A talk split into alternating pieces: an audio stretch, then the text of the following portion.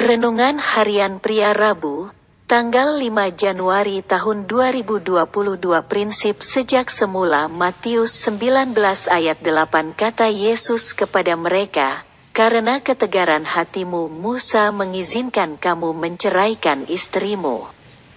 Tetapi sejak semula tidaklah demikian.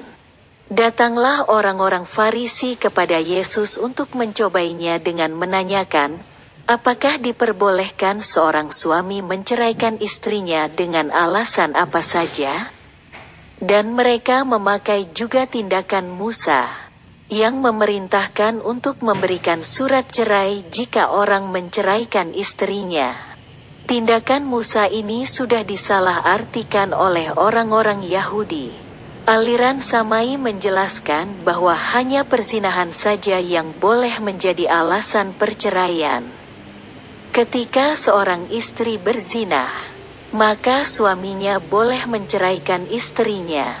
Sedangkan aliran Hillel menjelaskan bahwa seorang suami boleh menceraikan istrinya jika istrinya berlaku tidak sopan terhadap mertuanya, sering berpergian. Berbicara dengan pria lainnya dan tindakan-tindakan lainnya.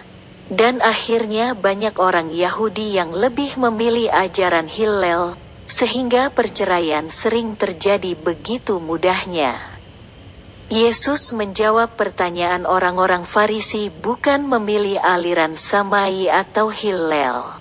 Dan Yesus juga menjelaskan bahwa orang-orang Yahudi salah mengartikan tindakan Musa pada waktu itu.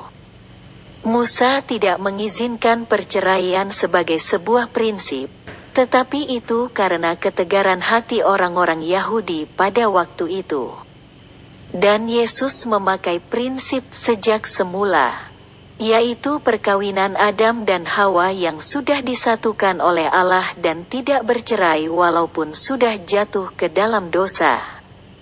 Jadi bagi Anda dan saya yang sudah menikah, kita harus menjaga dan merawat perkawinan kita dengan sungguh-sungguh. Jangan izinkan alasan apa pun menceraikan, karena Allah membenci perceraian. Dan bagi yang belum menikah, menikahlah dengan orang yang sesuai dengan rencana dan kehendak Tuhan.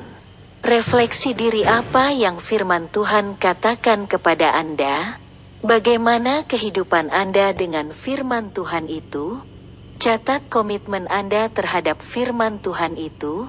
Doakan komitmen Anda itu, pengakuan imanku, saya mempraktekkan prinsip sejak semula dalam hubungan saya dengan pasangan hidup saya.